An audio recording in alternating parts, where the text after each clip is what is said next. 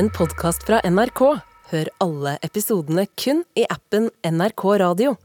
Et sikkert fredagstegn, det samler seg opp i studio av gjester. Yes. Og det her det der.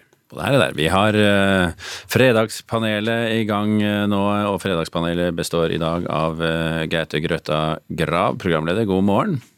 God dag, god dag. Andreas Wistad, kokk og mannen bak Geitmyra matsenter. God morgen. God morgen. Iselin Shumba, skuespiller. God morgen. God morgen.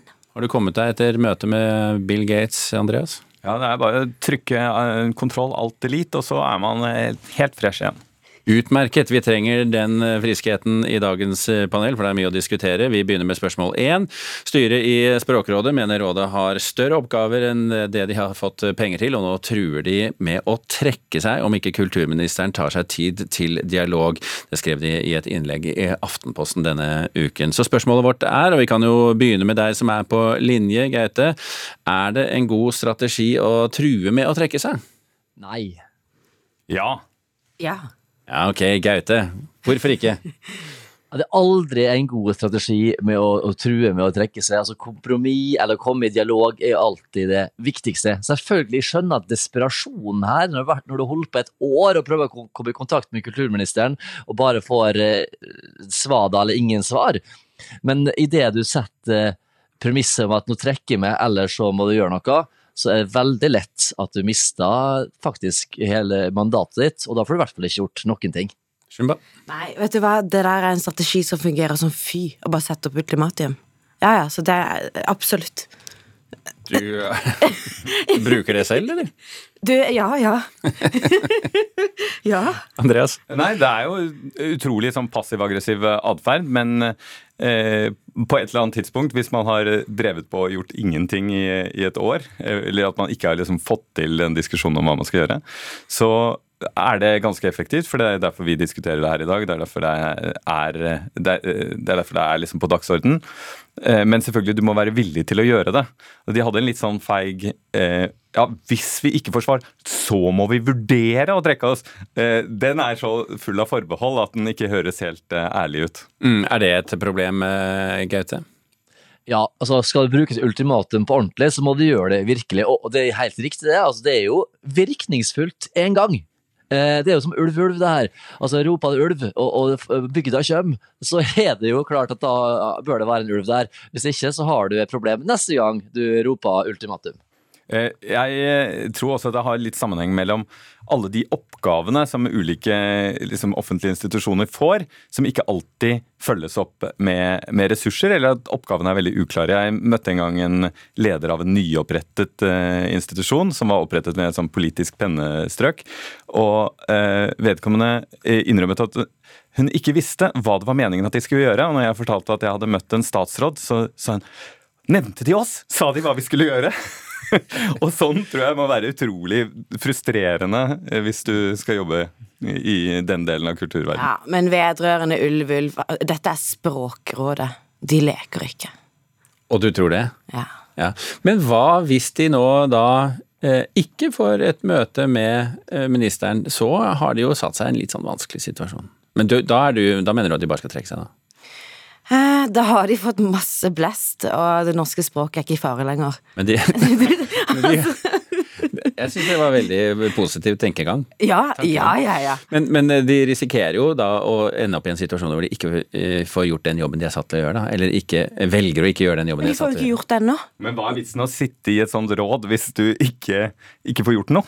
Det er jo også det para- paradokset, hvis det er det de føler, den frustrasjonen de føler på. Vi får håpe de rette instanser tar eh, denne diskusjonen eh, til inspirasjon, og så går vi til spørsmål nummer to. For denne uken så ble det jo det første symbolske spadetaket på det nye Vikingtidsmuseet på Bygdø tatt. Eh, Museet, som man da håper skal bli en verdensattraksjon, åpner i 2026, noe forsinket og noe dyrere enn først anslått. Ganske mye, egentlig. I tillegg så vil museet da mangle både restaurant og rekreasjonsområder og foredragsfasiliteter og alt som gjør et museum noe mer enn til et arkiv. I forsøk på å kutte prisen, eh, selvfølgelig. Spørsmålet vårt er riktignok når man først lager et nytt museum på dette nivået, bør man da ta seg råd til alle disse tingene som er kuttet ut, når man først er i gang? Uansett pris, Andreas? Jeg vil da bare svare dette er galskap. Jeg nekter å svare ja eller nei. Eh, Gaute? Ja. Ja. Da, eh, Andreas, må du forklare. Jo, eh, for på den ene side så er dette et av de få museene vi har i Norge hvor det er masse folk som kommer fra hele verden. Vi forvalter et stykke eh, verdensarv. Det er superviktig. Det må være kjempebra. Men på den andre siden så er det jo helt uforståelig for meg at de bruker eh, mellom 3,5 og 4 milliarder kroner på å bygge noe, og så har de ikke råd til å bygge kafé og formidlingssenter. Det er litt sånn som om noen skal få seg ny, eh, ny smoking, og så insisterer de på å liksom lage det aller fineste stoffet. De har kjempefin flosshatt, de har diamanter på knappene, og så er det noen som sier hei, hei, hold tilbake. Eh, dere kan ikke bruke så mye penger, og så dropper de buksene. Det blir jo helt merkelig. Eh, så det er merkelig at man ikke prioriterer det, og merkelig at de bruker så mye penger. Eh, uh, Iselin, uh, jeg satt jo bevisst inn i spørsmålet her uansett pris. Uansett pris. Ja, men det er noe med det Altså, vi ivaretar verdensarven vikingtiden, og så har man liksom ikke da formidlingsrom og et sted man kan ta inn i inntrykkene. Altså, det, det, er, det er ganske sånn det, det, er veldig flaut. Kanskje du må komme Det er galskap. Det er galskap. Andreas, kanskje du må komme med et sånt forslag til dem om, om at Altså, jeg, jeg jobber jo både med restaurant og formidling til barn og unge, og jeg vet at milliardene Man får til mye uten mange milliarder, så det er helt merkverdig, altså. Ja. Og jeg har en konklusjon på denne diskusjonen. Vi må høre Gaute først. Altså, Det er noe med prosjekteringa her som er jo stein stokk gæren, det er jo ingen tvil om. Men når du først har sagt ja til at vi skal lage et ordentlig vikingmuseum i vikinglandet Norge, eh, så må vi jo gjøre det ordentlig. Og da har du ikke valg, da må vi bare få det ferdig og få det gjort. Og så tenker jeg at inflasjonen på 10 hvert år, eller kanskje mer, vil jo gjøre prisen mye billigere veldig raskt. Og så om 40 år så tenker vi sånn ja, altså 2023-pengene, det var ikke verdt noen ting uansett. Det ble nesten gratis. Mm. Eh, mitt forslag, Andreas, var å flytte Geitmyra over til Bygdøy. Og så kan de som besøker museet få mat laget av barn. Ja, det er smart. Og så kan barn tjene penger. Let's go for it. Godt forslag inn, i, eh, inn til eh, Borten Moe der, og så ser vi hva han plukker opp. Tipper at han ikke plukker opp noen ting som helst. Tredje spørsmål. Den store snakkisen fra kulturlivet denne uken er et bilde av to unge kvinner. En selfie av Sofie Elise, der også hennes venninne er med. Og det er ikke bildeteksten alene som har opprørt folk. Hun skriver at livet blir ca. en milliard ganger morsommere om man bare gir faen. Men det er også det faktum at venninnen holder en liten pose i hånden som ser ut til å holde innholdet hvitt pulver. Og derfor så fikk eh, Sofie Elise kritikk for å forherlige narkotika, være et dårlig forbilde, og NRK fikk da fornyet kritikk for å ha henne i stallen som podkastprogramleder. Spørsmålet vårt er, vi kan begynne med deg Iselin, er denne stormen av kritikk et tegn på at det finnes altfor mange sure folk her i landet? Nei. Gaute? Jeg sier ja. Andreas? Nei. Oh. Iselin? Nei, men sure, men jeg tror også at det Eller skuffa. Og så at det er et, eh, et savn etter saklighet. Jeg tror det er litt det vi ser. Er det det som er eh, eh, Når du leser sosiale medier, at du tenker at her er det et savn etter Ja, saklighet? ja, ja. Gaute? Akkurat. Det er altfor mange sure folk, og det er altfor mye kansellering i Norge. Det ene. Men når det gjelder denne saken her, så er det ikke så mange sure folk. Det er fordi at Sofie Elise er egen liga og har holdt på i så mange år, og du skal ikke være overraska over at det kommer noe sånt som det her fra den kanten. Selvfølgelig, debatten her er jo om hun burde vært inne i NRK in the first place, og det burde jo selvfølgelig ikke vært. For NRK sin tradisjon er jo å plukke opp eh, talent som er ikke så kjente, og bygge opp til å bli veldig bra i sin flotte maskin. Og så kommer andre og plukker det opp. Her er gjort omvendt. Her har Sofie Elise bygd seg opp på andre vis. Og så har NRK kommet og sagt sånn Å, vi trenger noen uh, jenter i den målgruppa på podkast. Vi tar Sofie Elise inn.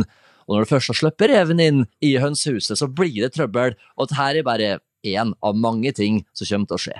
Fordi at du slipper Sofie Elise inn, da. Det er fantastisk når man ser på det bildet. De to står foran et speil, og, og så ser du denne hvite posen. Men det er også på en måte et speil som holdes opp særlig for eh, NRK.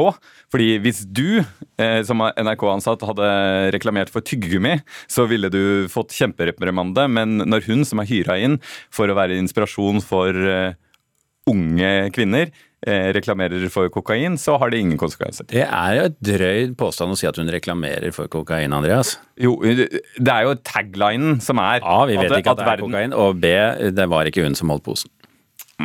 Men, eh, men eh, teksten er allikevel at eh, livet blir morsommere hvis du har små eh, poser med hvitt stoff. Det var ikke det teksten sa. Mm, mm. Hvis du gir Din tolkning. Ja, min tolkning. Og her er vi inne på noe, Iselin, fordi at, eh, fordi at nå får jo Andreas eh, har jo selv påført seg, eller påført seg selv, rollen som sur gammel mann. Ja, ja, ja. Og, og dette er jo en ung kvinne som ønsker å sette premissene for seg selv og sitt liv. Absolutt, og det er jo noe, selvfølgelig er det noe i oss, eller der at, jeg skal si, den hetsen eh, Sofie Elise får, er noen ganger helt ute av proporsjoner, men så er det, det er så mange lag her, det er så mange ting man må snakke om, og det er jo det at hun er hyra inn og skal være en stemme ut til de unge i NRK, som jo skal være, skal vi si, forsvare demokratiet og den smale kulturen, på en må, det, sånn, altså, det er bare så mange ting man må snakke om. Eh, og, og, og da er det en sånn Og Sofie Elise er topptrent, liksom. Hun er vår mest trente influenser i landet. Og selvfølgelig, alle kan gjøre en glipp. Altså, det Kanskje er det som har skjedd her, men det er likevel en sånn da da, og det kan, på, hva skal vi si, sånn der Mediestrategisk er det kanskje ganske lurt av henne å bare Ingen kommentar akkurat nå, bare vente til det roer seg. Men man ser jo hvilken kapasitet som finnes i media, da. Det er det jeg sitter og bare tar notater av. At Hva, hva var det du sa, Isa? Eh, At det var en mangel på Et savn etter saklighet. savn etter saklighet Ja. i sosiale medier. Jeg syns vi skal ta oss og runde av der. Og si at når vi leser sosiale medier fra og med nå, så tenker vi det er et savn etter saklighet. Og, men eh, jeg tenker i hvert fall det ikke være den som raser mot eh, Sofie Elise. Hun er proff, og hun vet hva hun gjør. Tusen hjertelig takk. Eh, Du fikk siste ordet, Andreas Viestad, Gaute Grøtta Grav, med oss på linje. Takk til deg også, og Iselin Shumba, takk for at dere utgjorde dagens fredagspanel. Du har hørt en podkast fra NRK. Hør alle episodene kun i appen NRK Radio.